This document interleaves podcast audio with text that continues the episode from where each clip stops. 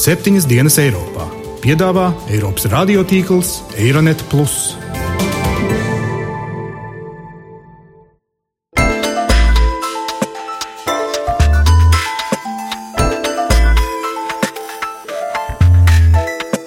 Šonadēļ septiņas dienas Eiropā dzirdēsim. Spiegošana ir viens no elementiem, tas nav nekas jauns. Informatīvā kara apstākļos Spiegošana kibervidē. nevar saprast, kur ir draugs, kur ir ienaidnieks.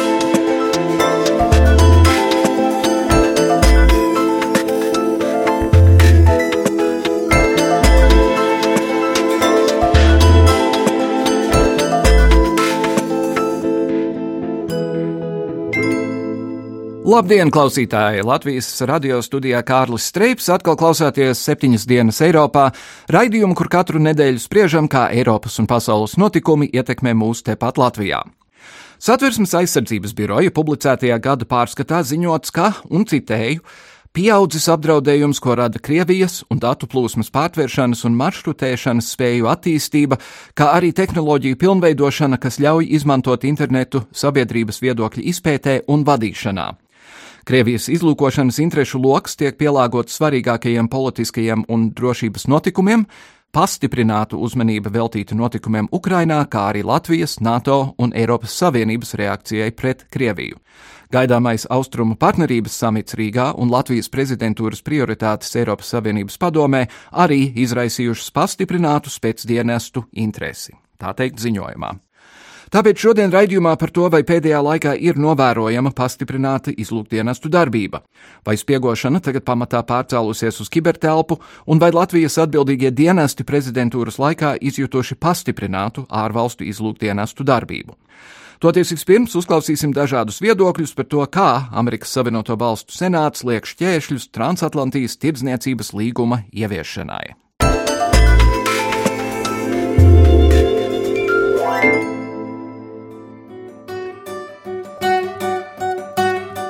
ASV Senāts aizvadītajā nedēļā nobremzēja prezidenta Bāraka Obamas ieceri noslēgt pasaulē lielāko brīvās tirdzniecības līgumu. Tie ir uzreiz divi - ASV un Eiropas Savienības, kā arī Klusā okeāna partnerības līgums. Lai gan pēc Vašingtonas uzstājības dienu vēlāk senāta opozīcija savu nostāju mainīja, draudošo realitāti tas mazāku nepadara.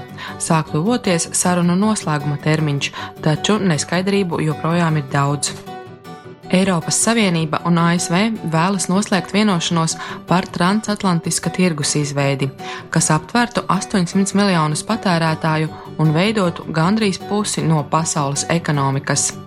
Tomēr ieceres pretinieki uzskata, ka tādā veidā ASV multinacionālās korporācijas spēs piespiest Eiropas Savienību mainīt dalību valstīs pastāvošos noteikumus, un Eiropa samazinās pārtikas, darba un vides standartus. Kliedējot sabiedrības bažas, Eiropas Savienības tirniecības komisāre Cecīlija Malmstrēma ir ierosinājusi izveidot īpašu tiesu, kas izskatītu ar abu reģionu atšķirīgo likumdošanu saistītās lietas tā, lai ASV pēc tam neko nevarētu grozīt, stāsta Malmstrēma. Šī uzlabotā sistēma ļautu pāriet no individuālajiem gadījumiem un kļūtu daudz līdzīgāka tradicionālajai tiesai. Tas skaidri norādītu, ka mūsu mērķis ir pastāvīga startautiskā investīciju tiesa. Tas gan prasīs kādu laiku. Mēs jau esam spēruši soli uz priekšu divpusējo darījumu noregulēšanā līguma ietvaros, bet šis ierosinājums būtu daudz plašāks un attiektos uz visiem turpmākajiem līgumiem. So TTIP, Tā Malmstrēma. Jaunākās nesaskaņas ASV senātā attiecas uz tā dēvēto fast track, jeb pātrināto procedūru, kas ir vitāla līguma noslēgšanai. Ja senāts to atbalstītu, tas ļautu Barakam Obamam noslēgt ASV un Eiropas Savienības brīvās tirniecības, kā arī klusā okeāna partnerības līguma tālāku virzību pātrinātā režīmā. Obama vēlas pātrināt šīs sarunas jau vairākus gadus, taču senāts to neatbalsta. Skaidro opozīcijas politiķis senators Jeffs Merklejs. Kādēļ būtu jāļauj, lai mūsu strādnieks pielīdzinātu tādiem pašiem noteikumiem, kā strādniekiem, kuri pelna 60 centu stundā? Tikai pasakiet man, ka tas ir izdevīgi, un es jums pateikšu, ka jūs kļūdāties. Lai gan pēc Baltā nama spiediena nedaudz mazāk kā dienu vēlāk Senāta demokrāti savu nostāju mainīja un vienojās par kompromisu, kas ļaus sarunas par pasaulē lielāko brīvās tirniecības līgumu virzīt tālāk. Aizvadītās nedēļas mahinācijas laikraksta Financial Times skatījumā varētu saniknot līgumā iesaistītās ārvalstis un paildzināt lēmšanas procesu. Pirms senāta balsojuma tika uzskatīts, ka kongress Obamam īpašo pātrināto atļauju darījuma tālākai virzīšanai piešķirs māja beigās vai jūnija sākumā. Tad visas darījumā iesaistītās puses varētu noslēgt tirniecības līgumu drīz pēc tam, taču ņemot vērā aizvadītās nedēļas ķīvēšanos, tagad visi plāni ir pavirzījušies tālāk. Laikrakstam skaidro tirniecības analītiķis Daniels Ikasons. Pēc viņa aplēsēm, pēc visoptimistiskākā scenārija, visātrākais, kad ASV kongresa pātrināto mehānismu varētu ratificēt, būtu decembris, bet pats ASV un Eiropas Savienības brīvās tirniecības līgums tiktu noslēgts pēc vairākiem gadiem. thank you Britu laikraksts The Guardian ziņo, ka NATO nesen pieņēmis lēmumu samazināt ne NATO dalību valstu delegācijas Briseles galvenajā mītnē. Turpmāk neviena delegācija nedrīkst pārsniegt 30 personu robežu. Līdz šim Krievijas delegācija bija vienīgā, kurā bija vairāk nekā 30 darbinieku, Tiesa, Maskava apgalvo, ka tai bija tikai 37 cilvēki akreditēti NATO galvenajā mītnē, toties kāds NATO dalībvalsts diplomāts apgalvo, ka skaitlis patiesībā bijis tuvāk 90. NATO amatpersonas privāti paudušas, ka apmēram puse no Krievijas delegātiem strādā savas valsts izlūkdienesta labā. NATO ģenerālsekretārs Jens Stoltenbergs noliedz, ka pasākums bijis īpaši vērsts pret Maskavu. Citēju, mēs esam pārtraukuši jebkādu praktisku sadarbību ar Krieviem, saglabājot vienīgi politiskā un militārā dialoga kanālus. 30 personas ir pietiekams skaits, lai pildītu šādas funkcijas. Citāts beidzas. Vairāk par to, kurš izspiego kuru, manas kolēģis Gitas Siliņas sižetā. thank you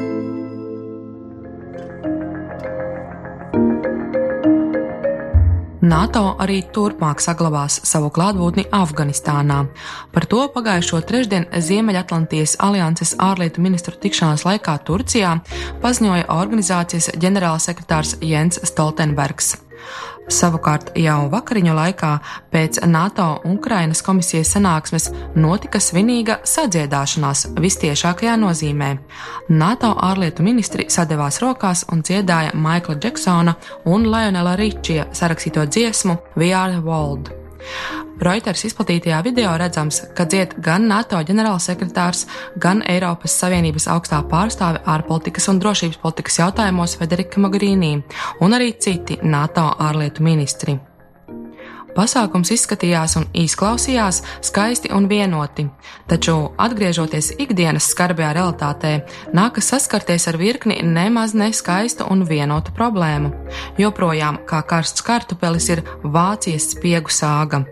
Plašumā vēršas skandāls, kas saistīts ar to, ka šīs valsts izlūkdienests saviem amerikāņu kolēģiem palīdzējis izspiegot sabiedrotos, amatpersonas un uzņēmumus Eiropā.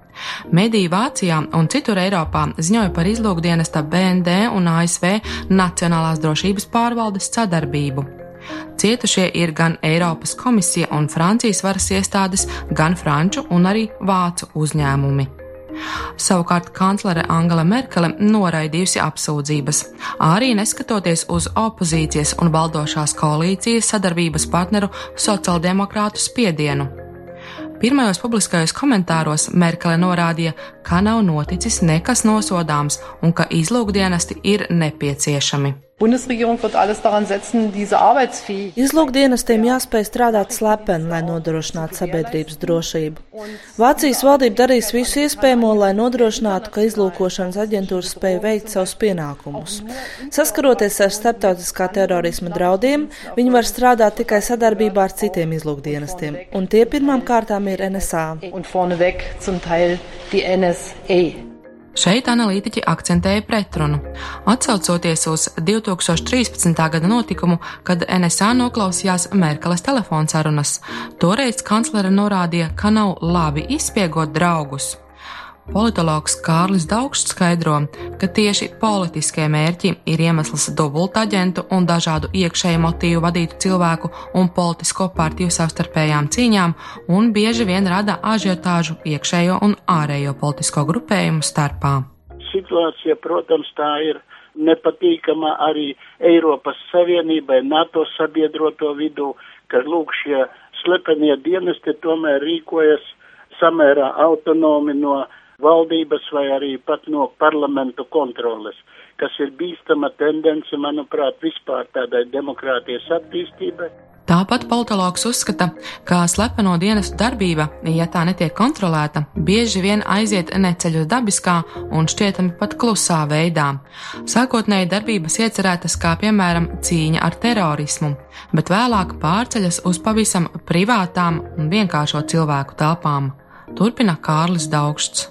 2002. gadā, tad, kad faktiski Amerikas Savienotās valstis un Vācija noslēdza šo sadarbības līgumu starp saviem drošības iestādēm, tas bija vērsts sakarā ar to divu torņu uzspridzināšanu. Tā bija cīņa pret terorismu, bet pakāpeniski tas aiziet uz cilvēka tiesību ierobežošanu, uz personīgās dzīves izspiegošanu un faktiski arī politiski ekonomisko spiegošanu. Pie tam slepeno dienestu specifika bieži vien ir tāda, ka vairāk savākt materiālus, tādu čupu, un pēc tam gan jau mēs no tās čupas kaut ko dabūsim. Ziņas mēdījos visā pasaulē liecina, ka savstarpējās attiecībās spiegošana ekonomiskā, rūpnieciskā, militārā, politiskā nav nekas neparasts. Taču izrādās mēdz būt pat iztēlotie spiegi, kuru parādīšanās uz politiskās skatuves arī ir sava veida stratēģija starp valstu attiecībās. Vēl pavisam nesen Latvijas vārds gan ne pirmo reizi tika saistīts ar spiegu būšanām. Krievijas plašsaziņas līdzekļi pērnā gada novembrī ziņoja par aizturētu spiegu no Latvijas. Tika ziņots par bijušā saimas deputāta Alekseja Holostova it kā spiegošanu Krievijā. Savukārt pavisam nesen, martā, runa bija par kādu personu Andreju Dudarevu, kurš jau četrus gadus esot braukājis uz Krieviju, meklējot kontaktus ar šīs valsts spēcdienestiem. Abi sižeti tika parādīti vienā un tā pašā raidījumā, kanālā NTV. Interesantais ir tas, ka abi stāsti bija līdzīgi, pat tādās niansēs, ka minētās personas gan pārstāv Latvijas spēcdienestus, taču patiesībā darbojoties ASV dienesta labā. Politiskās komunikācijas eksperts Ojārs Skudra toreiz Latvijas televīzijas žurnālistiem komentējot šos notikumus norādīja, ka šajā gadījumā nav runa par nejaušu sakritību vai par dubultaģentu, bet gan par sadomātu stāstu. Tas ir vēstījums viņu sabiedrībai, un tas ir vēstījums Krievu pasaules daļai Igaunijā un, un Latvijā. Tādā veidā var panākt, ka Krievu pasaulē ietilpstošajā iedzīvotāju daļā Igaunijā un Latvijā veidojās Baltijas valstu, it īpaši Latvijas un Igaunijas šajā gadījumā, kā Krievijas ienaidnieku tēls. Tāpat pētnieks Latvijas televīzijas ziņām norādīja, ka pilnīgu izdomājumu ilgi kultivēt nav iespējams, tomēr to var izmantot, lai pierādītu Krievijas apgalvojumus, ka Baltijas valstis kļuvušas par īzējas lauku NATO valstu spēcdienestu operācijām Krievijā. Arī Kārlis Daugsts atzīst, ka spiegošana ir ļoti spēcīgs elements starptautiskajā diplomātijā un starptautiskajās attiecībās, pat zināma slepenā kara darbība. Tāpat politologs norādīja, ka šobrīd galvenais spiegošanas veids tiek attīstīts kibertelpā. Manuprāt, ka galvenais tīkls tomēr ir interneta dažādu sfēru izmantošana, jo neviens nevar būt drošs pat laba mūsu šajā tehnoloģiju laikmetā un šī informatīvā kara apstākļos bieži vien arī nevar saprast, kur ir draugs, kur ir ienaidnieks, kāds notiek, kāda situācija varētu būt izvērsties kiberkara gadījumā un tā tālāk. Tā ir milzīga, manuprāt, problēma, tā jau ir civilizācijas gandrīz problēma par to, kur paliek mazais cilvēks ar personīgo dzīvi, ar saviem ģimenes noslēpumiem varbūt, un kur paliek milzīgā valsts un milzīgā sabiedrība, kurai ir savas intereses, un tāpēc šī pretruna, manuprāt, tā pastiprināsies. thank you Lai apspriestu spiegošanas, kiberdrošības un pretizlūkošanas aktualitātes un noskaidrotu, vai izlūkdienestu darbs ir tagad pamatā pārcēlies uz kibertelpu, pie mums šodien studijā Informācijas tehnoloģiju drošības incidentu novēršanas institūcijas CERT LV vadītājs vietnieks Varas Teivāns. Labdien! Labdien! Un aizsardzības ministrijas Nacionālās kiberdrošības politikas koordinācijas nodaļas vadītāja Ieva Kupcē. Labdien! Labdien jums abiem! Kupcas kundze, sāksim ar jums. Kā ministrija pat labam vērtē spiegošanu vispār kā tādu? Mūsu valstī? Teiksim tā, mans, protams, pirmais uzdevums ir kiberdrošības politikas koordinācija, un, un nenolieksim, ka spiegošana ir viens no elementiem, tas nav nekas jauns, tas ir pastāvējis daudz gadu desmitus. Protams, tas tiek ņemts vērā, lai gan es neteiktu, ka, teiksim, no politiskā aspekta šis mums ir primārais uzdevums tieši ministrijas civilajā sektorā. Ar šo specifisko jautājumu, protams, strādā valstī attiecīgās institūcijas. Bet Nav noslēpums, ka pie kaut kādu saspīlējumu, pie kaut kādiem politiskiem procesiem mūsu dzīvē, reālajā dzīvē, teiksim, sauksim to tā, attiecīgi notiek arī notikumi kibertelpā vai virtuālā vidē. Un, un tas arī neizslēdz spiegošanu, vai jā, tādas pazīmes ir novērojams arī virtuālā vidē. Un kas ir svarīgākais, ja mēs runājam par valsts drošību? Vai tās ir tehnoloģijas, kas kaut kā sargā, vai tas ir vienkārši cilvēks un ko viņš dara vai nedara? Droši vien jau tādas pareizas atbildes nav, un, un droši vien, ka ir gan, gan, bet uh, laikam man gribētos šobrīd uzsvērt cilvēkus.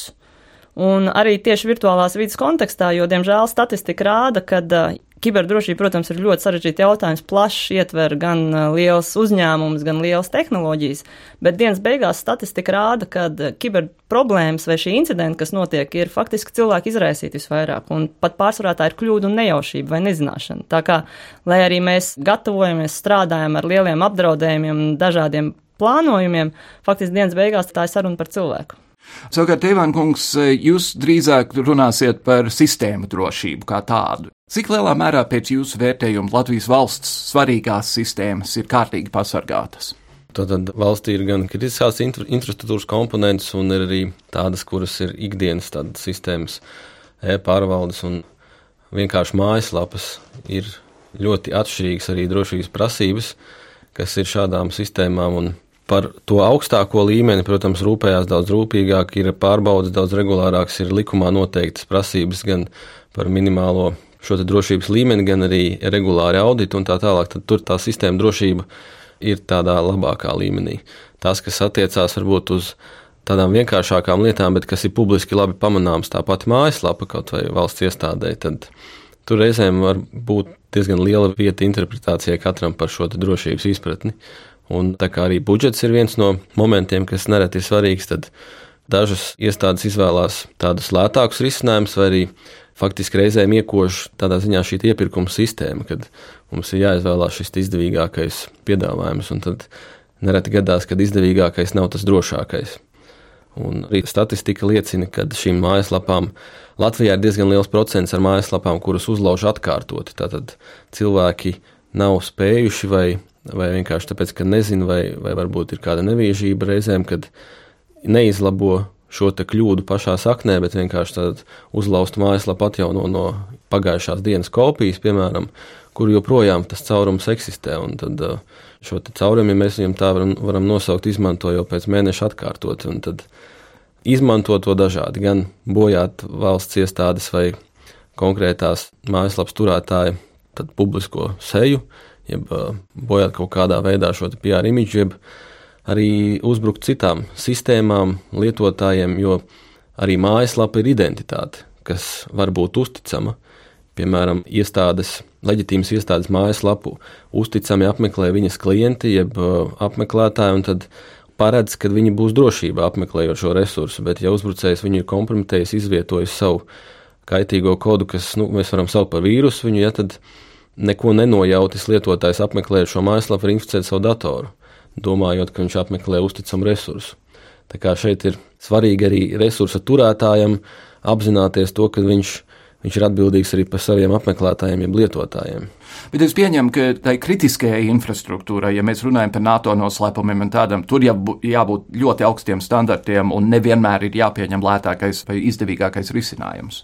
Jā, nu skaidrs, kritiskai infrastruktūrai un arī NATO prasības, kas, kas ietver un, un arī klasificētie dokumenti, jā, tur, protams, prasības ir daudz augstākas un, un tas ir cits līmenis, bet, teiksim, arī godīgi, arī tur ir cits līmenis, cits intereses līmenis. Tā kā, protams, šī ir vide, kas visu laiku attīstās un kurai nekad nevar, tā teikt, mierīgi gulēt un par to nerūpēties tikai tāpēc, ka mēs esam augstu risinājumu ieviesuši. Ir skaidrs, ka potenciālie ieinteresētās puses arī startē ar augstu risinājumu un, teiksim, šī telpa visu laiku attīstās.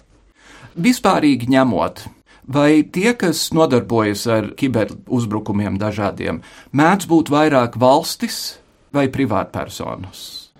Es domāju, tas ir tāds mikslis, jo kibernoziedzība, jeb šī noziedzīgo grupējumu darbība, visticamāk arī, arī liecina teiksim, tie notikumi, analizējot šos uzbrukumus dažādus.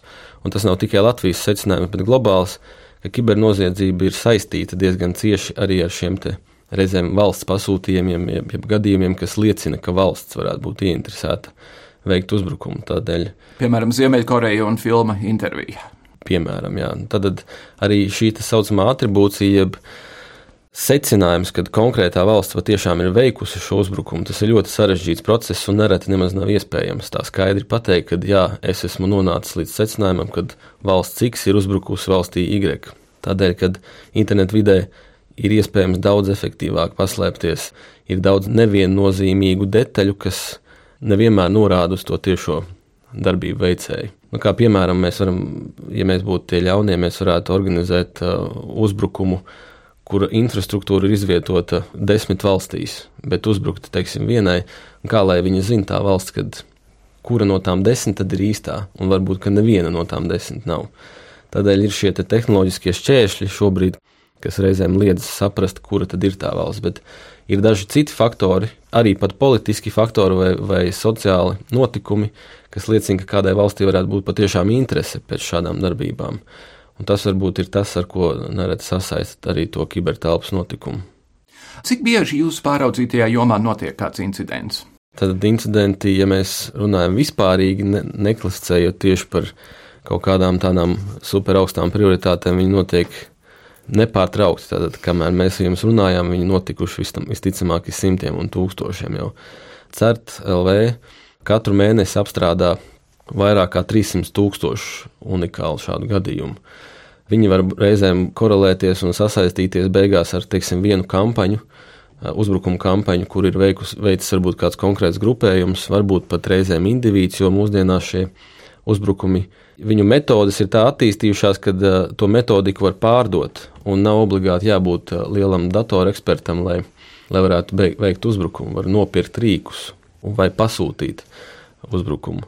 Bet, uh, ja ir šie augstās prioritātes gadījumi, kas reizēm arī var būt šī spiegošana kibervidē, te gan man jāuzsver, ka ar spiegošanu un, un šīm lietām arī kibervidē CERT tieši nedodarbojās, bet ir attiecīgās valsts drošības iestādes, kas ar to strādā, bet mēs varam identificēt. Var būt gadījumi, ka mēs identificējam pazīmes, ka kaut kas tāds notiek, un, un tādi gadījumi ir bijuši Latvijā arī šogad. Un es piebildīšu, ka mēs aicinājām visas attiecīgās instances šodien uz raidījumu, un viņas pilnīgi visas atteica. Es varu iedomāties, ka būtu ļoti daudz, ko viņi nevarētu stāstīt, bet nu, tomēr. Ja mēs skatāmies tieši politiskajā līmenī, Vai šāda veida kiberuzbrukumu viņu galvenais mērķis ir atrast un nozagt informāciju, vai, kā jūs teicāt, vienkārši patraucēt kādu brīdi? Tie mērķi var būt ļoti dažādi. Informācija, protams, ir viena liela vērtība. Tad tas ir tas, varētu būt tas punkts numur viens, bet arī citāda ietekme. Pareizā brīdī izmantot informāciju pret savu šo oponentu, ja tā var teikt, vai pareizā brīdī izdarīt kaut kādas izmaiņas, ja tas ir iespējams tehnoloģiski kaut ko ietekmēt, kas rada sarežģījumus vai padara situāciju nērtu un tā tālāk. Tad, tad daudz variantu tur un motivācijas var būt, bet informācija varētu būt pāri tam visam. Jā. Gluži kā klasiskā gadījumā, kad kādreiz ja mēs atkal koncentrējamies uz šo informācijas izgūšanu, tad kādreiz viņu izgūvu savādāk, un mērķis jau bija ļoti līdzīgs. Tā skaitā ar Latvijā ražotajiem minoks fotoaparātiņiem mazajiem. Jā, pa ko visi varam, varam būt, būt Bet, lepni. Nu, nevar arī aizmirst, tomēr, man liekas, arī finansiālo motivāciju. Nu, ļoti, otra ļoti liela daļa tomēr ir ar šo materiālo ieguvumu. Manuprāt, tas pats nesenais vīrus, kas Jā. bija krāpnieciskos nolūkos, teiksim, lielākos vai mazākos mēros. Šis segments arī ir ļoti liels, tā saucamā kibernoziedzība tieši ar, ar motivāciju iegūt mm. finanses. Varbūt sanāk tāda lēkāšana starp šo te varbūt politiski motivēto un finansiāli motivēto, bet tā, tā ir svarīga piebilde, ko jau minēja, kad patiesībā visa šī kibernoziedzība un notikumi kibervidē, ir finansiāli motivēti. Tas ir tas galvenais dzinējs visam tam pasākumam, un tad jau atvasinās varbūt arī citas lietas. Un tur ir viena lieta, ir, ir reklāma, ka tu vari savu dzimumu orgānu palielināt pa divām reizēm, vai arī, ka ir nomiris Nigērijas princis un viņa tuvinieki ir izlēmuši tieši tev uzticēt to naudu. Cita lieta ir, ir dažādi tārpi internetā, kas var, piemēram, piefiksēt paroli, ko tu esi ievadījis kaut kur. Jā, paroli un arī citu informāciju. Šeit ir, varētu izmantot izdevību uzsvērt, ka ir cilvēki, kuri uzskata, ka manā datorā jau nekas slēpjams nav un, un, un tam līdzīgs uzskatus. Ja, tad nu, katram ir kaut kāda vērtība, katrai informācijai ir vērtība, un arī jums var būt, kad šķiet, ka sociālā tīkla konts nav tik aktuāls un, un svarīgs, un neko jūs tur tik ļoti, ļoti sensitīvi nepublicējat. Jūsu identitāte ir kādam droši vien uzticama, un uh, viņu var izmantot uzbrukumiem pret citiem. Tā kā ļoti daudz aspektu tur ir svarīgi. Gan krāpniecība, gan šie tārpi, ko jūs minējāt, ja vīrusi, kas spēj datoru faktiski kontrolēt attālināti pārtvert kaut kādas arī banku darījumu lietas. Jāatzīst, ka Latvijā ir diezgan droši veidotas internetbankas, mums ir vairāk līmeņa autentikācijas, un, un bankas arī seko šīm lietām ļoti rūpīgi. Bet lielākais risks sanāk tomēr lietotāju pusē. Viņš inficē savu datoru tad faktiski uzbrucējs sēž, var teikt, virtuāli klāt viņam. Mūsdienās ir tik ļoti daudz to bezvadu tehnoloģiju, kurās arī var internetu pieslēgt. Vai ir atšķirība drošības ziņā starp manu mobilo telefonu un manu fiksēto datoru, kas sēž uz galda?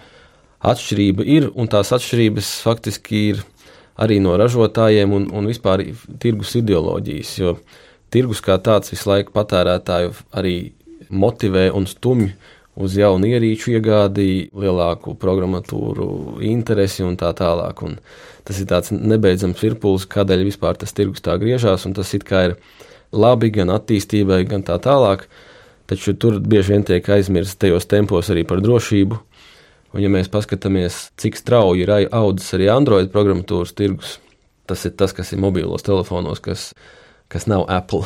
Mm -hmm. ja, tad uh, tur ir diezgan atvērts un liberāls tas pasākums. Ja jūs vēlaties ražot programmatūru Android tirgumu, jūs to varat darīt. Faktiski arī Apple tirgumu varat darīt, bet Android uh, tirgu ir diezgan brīvāka attieksme, kas sekmē daudz. Varbūt arī inovācijas, kas ir skaisti un labi. Tā dēvētās aplikācijas. Jā, bet uh, tas arī paver vārtus tādām kaitnieciskām darbībām daudz vienkāršāk. Es zinu, es, piemēram, esmu lasījis un skatījies televīzijā par apstākli, ka Amerikas valdība īpaši lūdz šo ierīču ražotājiem atstāt maziņas pakaļdurtiņas, kur Amerika var tikt iekšā, lai paskatītos, vai tur notiek kaut kas teroristisks. Bet, ja Amerika var tikt iekšā pa pakaļdurtiņām, tad citi arī var tikt, acīm redzot, pakaļdurtiņām iekšā. Es par šo varbūt detaļās nevaru komentēt, bet, ja ir teorētiski tāda iespēja, kad ir pakaļdurtiņas, tad Protams, pastāv iespēja, ka kāds cits par viņām arī zina vai uzzina kaut kādā veidā. Bet varbūt arī var tehnoloģiski izveidot tā, ka viņas nevar izmantot neviens cits. Man tas tāds ļoti hipotētisks pieņēmums.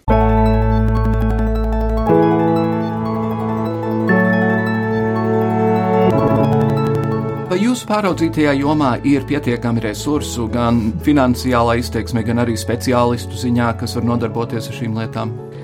Nu, tas tāds jautājums, medus maize, droši vien. Finanses resursi jau vienmēr varētu gribēt vairāk. Bet es domāju, ka mēs šajos gados esam diezgan nopietni investējuši tajā pašā certu kapacitātē. Es domāju, kas bija mūsu primārais mērķis, tiešām, lai, lai šī iestāde varētu pēc iespējas daudz vairāk palīdzēt un arī faktiski spēt novērot un pamanīt. Jo viens ir ne tikai spēt reaģēt, bet faktiski būt spējām pamanīt. Jo, kā es mhm. teicu, tehnoloģijas attīstās un brīžiem mēs jau nemaz nezinām, kas tajā mūsu datorā notiek. Tā kā es domāju, finansiāli mēs, mēs lēnām ejam pareizajā virzienā. Par ekspertiem runājot, droši vien eh, tas nav tikai tāds mūsu jomā, tas ir daudz kur citur, bet eh, tā ir viena no, no nozarēm, kur varētu gribēt vairāk interesantus, vairāk studējošos, vairāk cilvēkus, kas varbūt arī paliek Latvijā un nebrauc prom. Un, un arī varbūt tieši ar fokusu uz drošību, jo atkal, kā jau Varas minēja, protams, tas pirmais interesantais ir šī inovācija un, un teiksim, startupi, kas ir tagad, teiksim, promotēt visu šos mūsu spējas, bet būtu ļoti svarīgi, ka arī cilvēki fokusētos uz šo drošības elementu. Mēs ļoti daudz par to runājam gan Eiropas līmenī, gan šeit, kad, nu, nākotnes klients varētu tomēr būt izglītots un vairāk orientēties uz tiem produktiem, kas piedāvā arī šo drošības elementu, ka viņš jūtās drošs ar saviem datiem, ar savu, ar savu visu iedzīvi, kas viņam ir atrodās virtuāli. Līdz ar ko, teiksim, šī ir tā tendence, ko mēs gribētu vairāk attīstīt un redzēt gan tajā apmācību sektorā, gan arī tieši ekspertīzes un ekspertu pašu apjomā, kas Latvijā šobrīd ir un, un strādājam ar, gan ar izglītības ministriju, gan ar augstākām izglītības iestādēm, tā teikt, veicinot šo izpratni un mēģinot uh, vairāk to drošības elementu likt pašos pamatos iekšā, lai nebūtu šīs kļūdas jālabo pēc tam, bet faktiski, lai viņas būtu no sākta galņēmts vērā. Tātad klausītāji sūtiet savas atvases, mācīties datoriķos. Būs darbs, vienmēr, vienmēr būs darbs. Paldies jums abiem par sarunu no CERTLV Varas Teivāns un no aizsardzības ministrijas Ieva Kupce. Paldies! Paldies jums! Paldies jums. Krievu rakstnieks Lievis Tolstojs, slavenā romāna Karš un miers autors, reiz rakstīja: Dieva vārdā, apstājies uz brīdi, noliec malā darbu, kuru dari, un paskaties sev apkārt. Mēs septiņas dienas Eiropā ik pa brīdim paceļam galvu un paskatāmies sev apkārt, bet nevienmēr mums patīk tas, ko ieraugām. Krievijas opozīcija publicējusi ziņojumu Putins karš, kuru veidojusi grupa ekspertu un kuru vadīja Ilja Jašins, izmantojot šogad februāra beigās netālu no Kremļa noslapkavotā opozīcijas politiķa Borisa Ņemcova iestrādes. Notikumu komentēt aicinājām Austrum politikas pētniecības centra valdes priekšēdētāju Aināru Lērpi. Domāju, ka tas ir nozīmīgs notikums kas varētu veicināt, varbūt ne uzreiz, bet tālākā perspektīvā, lielāku izpratni par to, kas īstenībā notiek uh, Ukrainā un kāda ir Krievijas politika, Krievijas iejaukšanās Ukrainas iekšējās lietās, tā skaitā arī militāru, uh, militāriem līdzekļiem. Domāju, tā kā pašlaik Krievijā dominē šī Kremļa propaganda, acīm redzot, uh, nebūs uzreiz liela varbūt ietekme šim notikumam. Lielā mērā tā informācija uh, un Krievijas iedzīvotā informēšanās iespējas būs atkarīgas no tā, cik lielā mērā izdosies grāmatas autoriem un viņu atbalstītājiem izplatīt to grāmatu. Attiecībā uz Ukrainu, kā ir vairāk arī analītiķi teikuši, ka, acīm redzot, nebūs pārāk liela ietekme šīs grāmatas izdošanai, jo faktiski Ukrainā jau daudz kas no tā, par ko grāmatā ir minēts, ir zināms.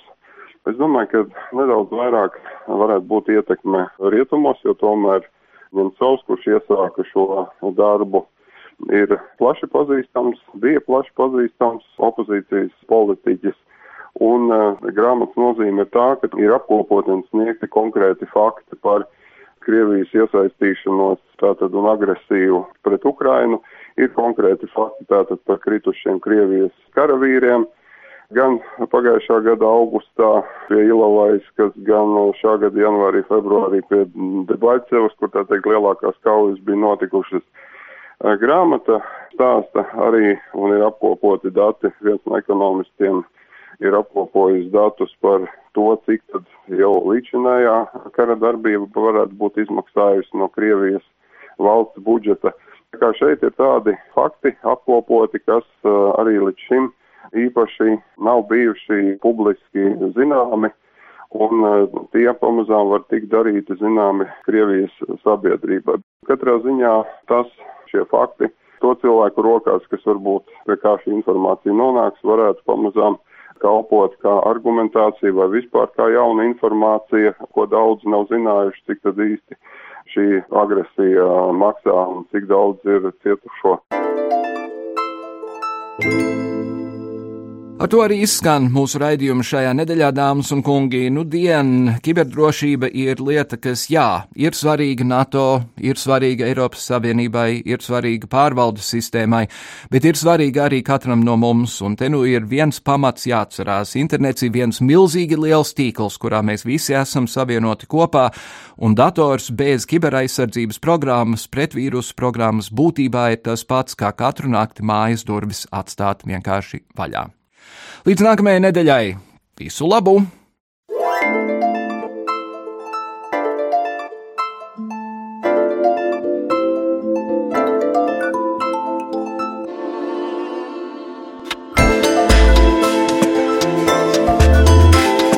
Raidījumu veido Kārlis Streips, Gita Siliņa un Jānis Krops. Producents Lukas Rozītis.